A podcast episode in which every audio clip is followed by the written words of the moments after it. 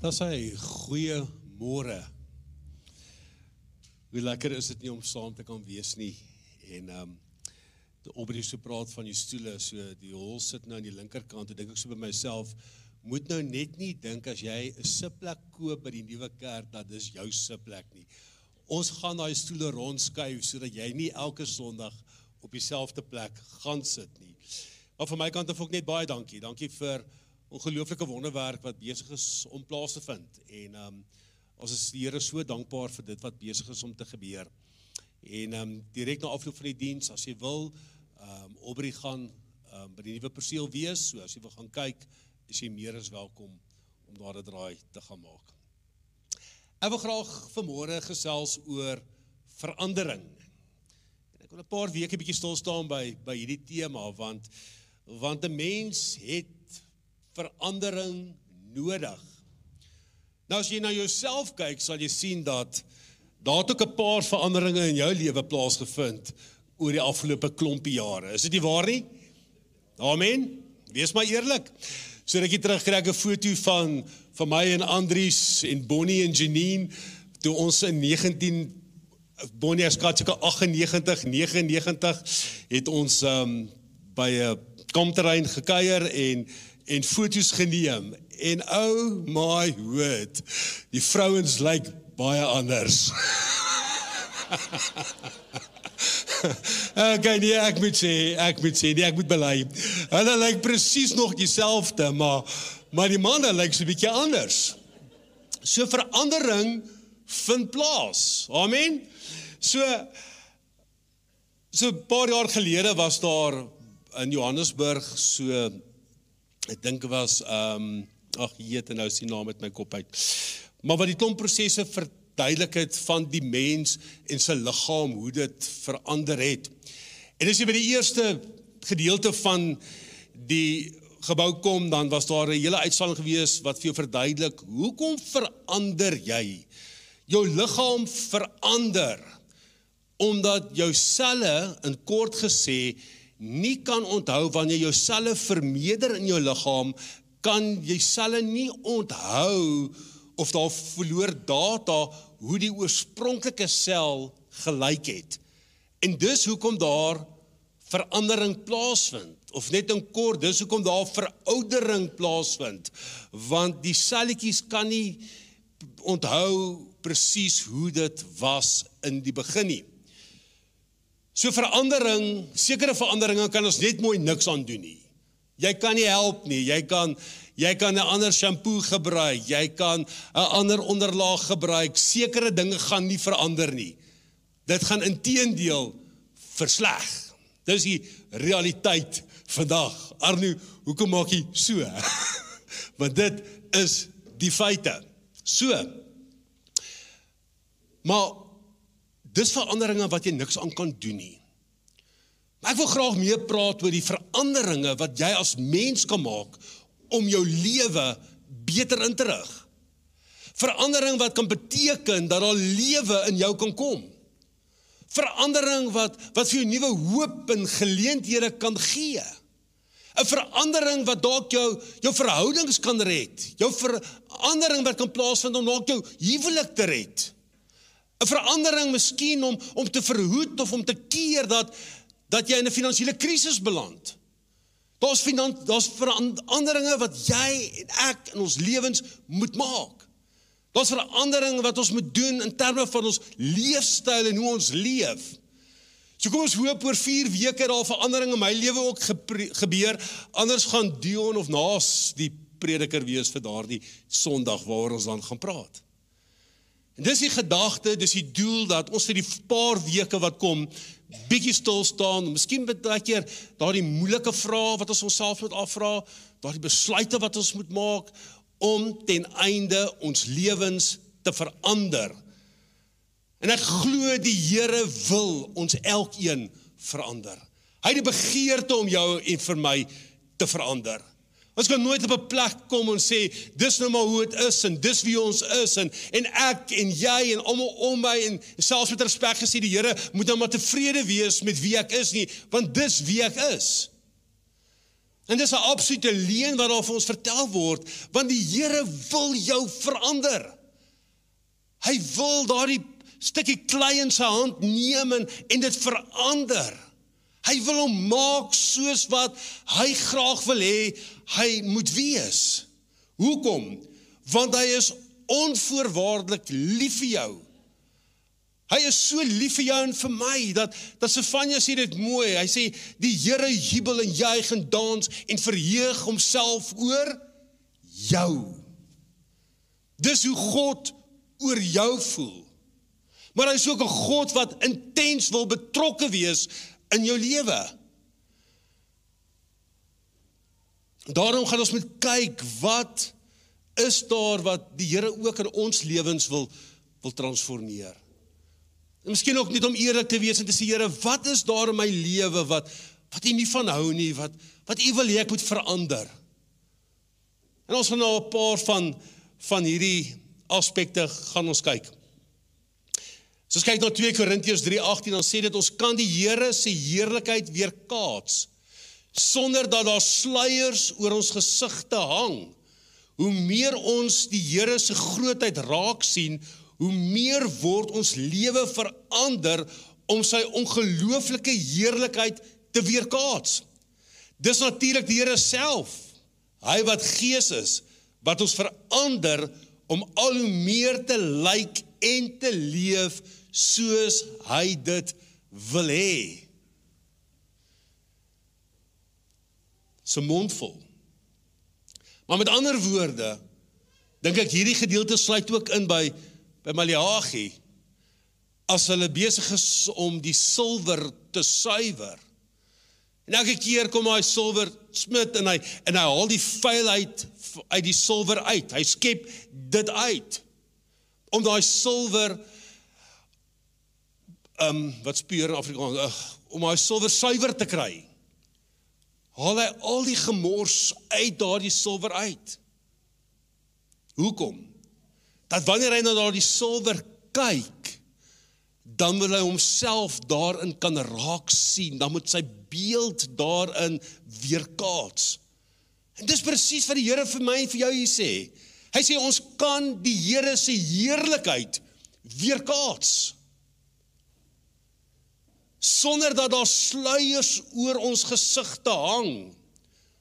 Want hoe meer ons die Here se grootheid raak sien, hoe meer word ons lewe verander om sy ongelooflike heerlikheid te weerkaats. Ons so mooi sê hy wat gees is wat ons verander om al hoe meer te lyk en te leef soos hy dit wil hê. Dan is die vraag in my en jou lewe. Die manier hoe ons leef is die Here tevrede daarmee? Weerkaats dit met ander woorde sy beeld terug na homself toe as hy na ons kyk. Daai vriendjie van die kerk het altyd gesê die verskil tussen 'n groef en 'n graf is net sy diepte. Dat 'n mens soos in 'n in 'n in 'n in 'n groef in kan val. En dat jy dink jy's okay en alles is reg, maar maar jy is nie. En daarom die begeerte dat dat ek en jy sal leef soos wat hy wil hê. Daarom is transformasie het nuwe gewoontes nodig. Wie was al net vir 'n paar dae op 'n die dieet? OK.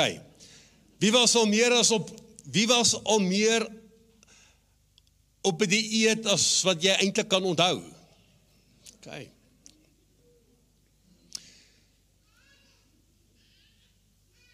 Nou baie keer 'n week of 3 of 4 en en dan sukkel 'n mens. Sluit maar wat kan identifiseer. Dankie vir die hande wat opgaan. OK. Iemand het gesê gewoontes eet wilskrag op as ontbyt. Wil weer sê gewoontes eet wilskrag op vir ontbyt. Hoekom? Want ons gewoontes is baie keer so diep in ons wese gevorm dat dit baie keer sterker is as die wilskrag. So ek hoop jy sien dat dat hierdie 'n penwortel wat wat ons moet uitruk om te kan verander. Jy kan al die goeie intensies hê wat daar is. Maar jy is wat jou gewoontes is op die einde van die dag. En daarom is dit belangrik dat ek en jy dit moet verander, dat ons ons gewoontes moet verander. En baie keer besef jy jy het iemand nodig om jou daarmee te help. Jy het iemand nodig wat saam met jou 'n pad kan stap om jou gewoontes te kan verander, om jou rotines te kan verander. Want daarin lê verandering. Jy sien, dis om tyd saam met die Here te spandeer. Jy kan dalk sê ek maak spandeer nie genoeg saam met tyd saam met die Here nie. Ek het nie tyd nie. Nou miskien gaan dit kos dat dat jy 15 minute vroeër in die oggende gaan opstaan. Of jy gaan ook sê maar maar ek is nie 'n oggendmens nie. En dan gaan dit wees dat jy iewers deur die dag 'n tyd moet inruim of wanneer jy gaan slaap 15 minute vroeër die televisie afsit en en by die Here uitkom. Jy sien dan verandering moet plaasvind. Dit gaan iets kos. Dit gaan 'n dit gaan 'n prys kos. Jy moet 'n slegte gewoonte vervang met met 'n goeie gewoonte. En ek het gesê jy het iemand nodig. En dit gaan miskien wees dat jy miskien 'n paar areas in jou lewe identifiseer waar jy gaan sê ek het iemand nodig om my te help om die verandering mee te bring. Met ander woorde, ek het 'n coach nodig. Ek het 'n mentor nodig. En dit maak nie saak op watter terrein dit is nie, of dit is fisies of is of finansiëel of of in jou beroep of waar dit ook al mag wees, kry die regte persoon. Kry iemand wat geestelik saam met jou op pad kan stap. Iemand wat saam met jou kan wees want die wonderlikheid daarvan is dat daar vind ook dan accountability plaas. Dat jy is ook verantwoordelik teenoor hierdie persoon En hy gaan jou ook vra maar is dit wat jy doen is dit deel van die plan? Is dit nie wat ons gesê het nie? Is dit nie die manier hoe ons die dinge gaan doen nie? Twee Timoteus is Paulus in die woord en hy skryf van Paulus in die woord en hy skryf van Timoteus en hy sê jy en baie ander het gehoor wat ek alles oor die Christelike dinge vertel. Vertel dit nou weer vir mense wat jy kan vertrou sodat hulle dit weer verander kan vertel. Kan sien hierso is Paulus besig om 'n pad saam met Timoteus te stap. En dan kom Paulus en sê vir Timoteus, moet dit asseblief tog net nie vir jouself hou nie, maar gaan vertel dit ook vir ander. Gaan vertel hulle dit wat ek vir jou gesê het. Daarom sê ek weer dat dat jy gaan 'n mentor, jy gaan 'n coach, jy gaan iemand nodig hê om verskillende terreine dalk saam met jou te kan loop. Mense wat al klare prys betaal het, mense wat uit ervaring jou kan help en kan bystaan. Iemand wat net saam met jou die pad kan loop. Jy sien maar wanneer verandering plaasvind, is dit nodig dat ek en jy nuut sal dink oor ons lewens en dat ons die waarheid ook oor ons lewens sal spreek. Jy sien, ons het al hoeveel keer vir mekaar gesê, dit wat jy dink, dit is jy. As jy 'n slegte ehm um, gevoel oor jouself het en jy voel nie goed oor jouself nie, dan moet jy weet dat dit gaan iewers gaan dit uitkom. Jy is wat jy dink as alles wat in jou gedagtes is negatief is en nie reg is nie, dan moet jy weet gaan jou bril waarna jy na die lewe kyk gaan maar gaan maar uiters pessimisties wees. Gaan dit dalk te maak hê dat dat mense jou as negatief en dalk ongeskik gaan ervaar. Nou dis oulike antwoordjies om te gee om om te sê ag wat ek maak maar nie 'n moorkou vir my hart nie. Dit is maar hoe ek is. Dis 'n swak verskonings wat ons baie keer aanbied Dis nie hoe God jou gemaak het nie. Dis nie hoe hy jou geprogrammeer het nie. Dis nie hoe hy wil hê jy moet leef nie. Het jy nie so bedraad nie. Daarom is dit belangrik dat ons dat ons ook na die waarheid sal kyk. Hoor wat sê Paulus? Hy sê julle tog aangaande om onderrig ontvang volgens die waarheid wat daar by Jesus is. Julle tog in julle eenheidsband met Jesus die waarheid geleer, naamlik dat julle wat julle vroeëre leefstyl betref, die ou sondige mens soos vuil klere moet uittrek. Bedrieglike begeertes laat hierdie mens ten gronde gaan. Julle moet op 'n nuwe geestelike manier leer dink. Ja, trek die nuwe mens so skoon klere aan, die mens wat na God se beeld geskape is. Dubbelpunt. Hier kom die antwoord. Iemand wat werklik reg lewe voor God en werklik aan hom toe gewy is. Baie bekende gedeelte Romeine 12 wat sê ek wil nou 'n baie ernstige versoek tot julle rig en ek doen dit omdat julle begryp hoe baie God vir julle omgee. Gee julle hele lewe aan hom. Julle moet lewende offers in sy hand wees 'n lewe wat voltyds afgesonder is vir hom is presies is presies waaroor die godsdiens gaan. Die nuwe lewende vertaling sê moenie julle leefstyl aanpas by die gedragspatrone van die wêreld nie, maar laat God julle omvorm deurdat hy julle denkpatrone vernuwe. Jo. As jou kop nie reg is nie, As jou denke nie reg is nie. Dan gaan jy dit sien op alle areas van jou lewe.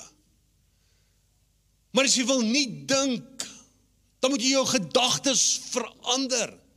Dan moet jy jou denke laat vernuwe word. Dis hoekom Paulus sê, daarom bedink ons nie dit op wat op aarde is nie, maar ons bedink dit wat daar bo in die hemel is. En daarop sê hy, daarop moet ons ons gedagtes rig. Jy sien ons het nodig om om ons gedagtes reg te kry.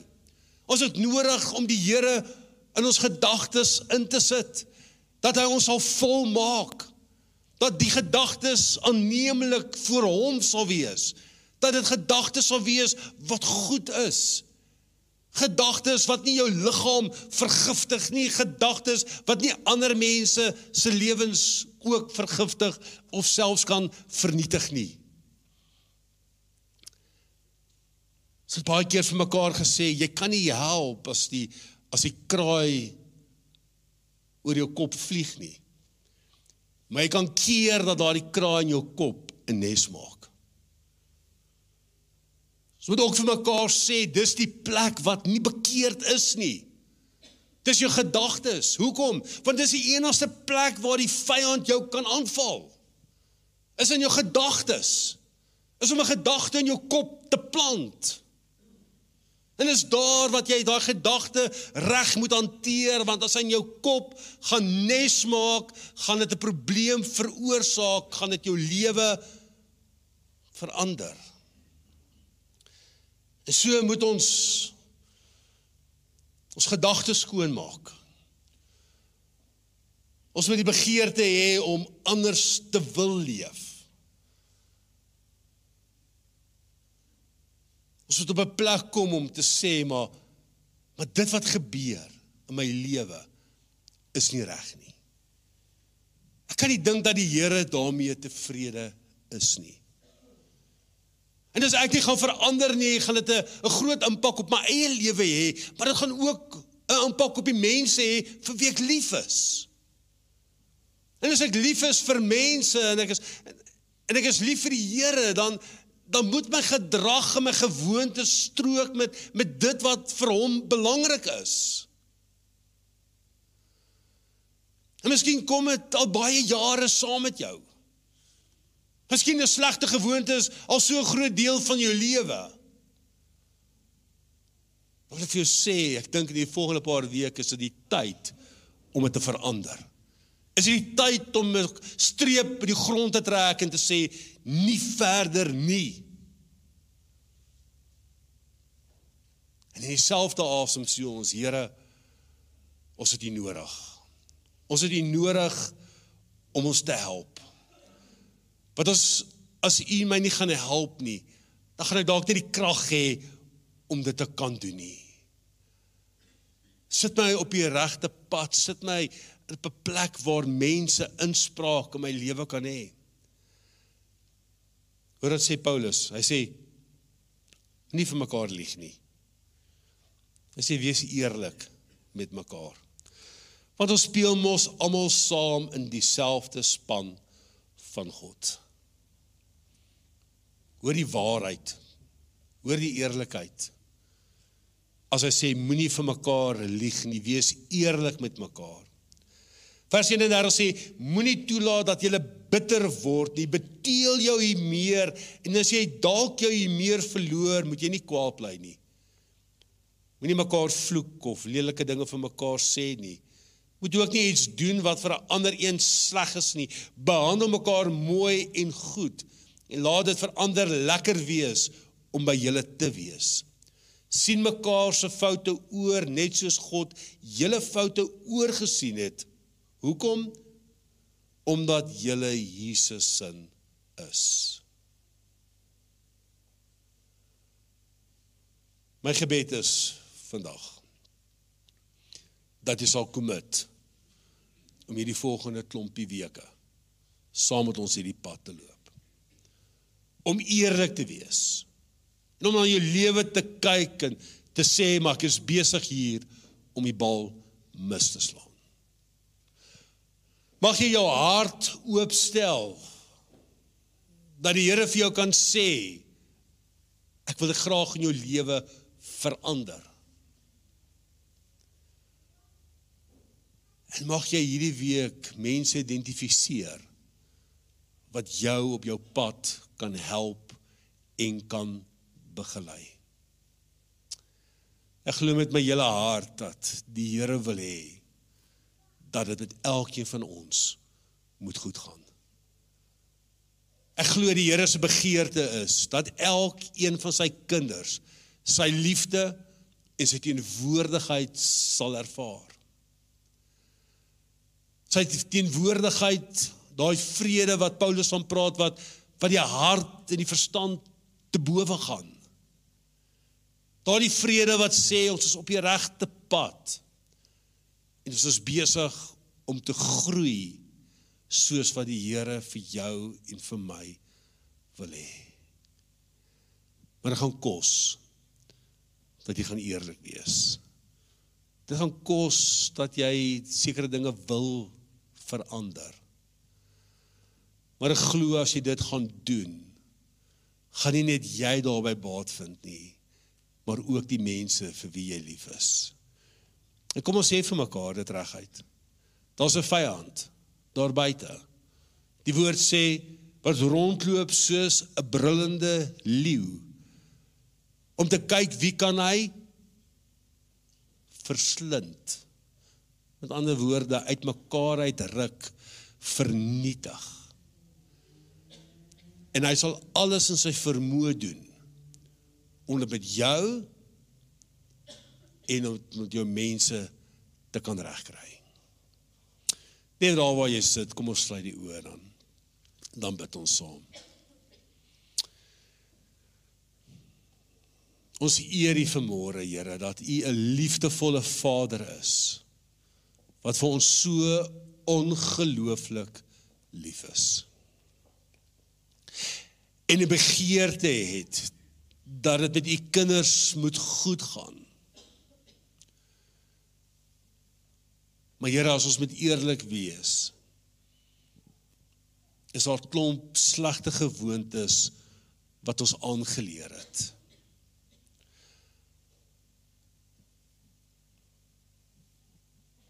En dit het tot gevolg dat dat ons ongehoorsaam aan U is dit het tot gevolg dat ons nie kan wees wie graag wil jy ons moet wees nie. Dit het tot gevolg, Here, dat dat die vyand ons weghou van U af.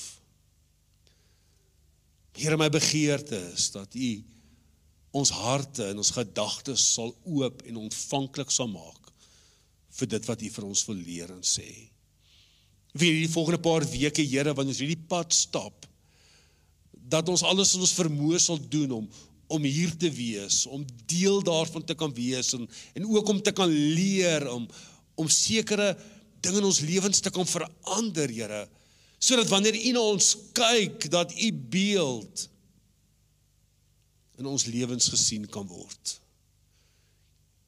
Here, ons het die begeerte om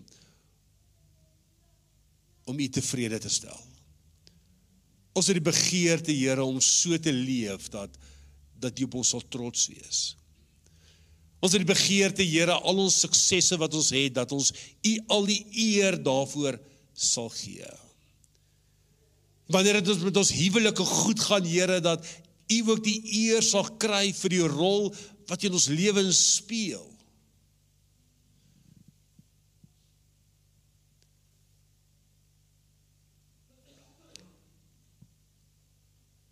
Daarom wil ons net bid Here dat dat die Heilige Gees ons net sal begelei. Net ontvanklik sal maak vir u woord en vir u stem in ons lewens. U is 'n goeie God en ons eer U daarvoor in Jesus Christus se wonderlike naam. Amen.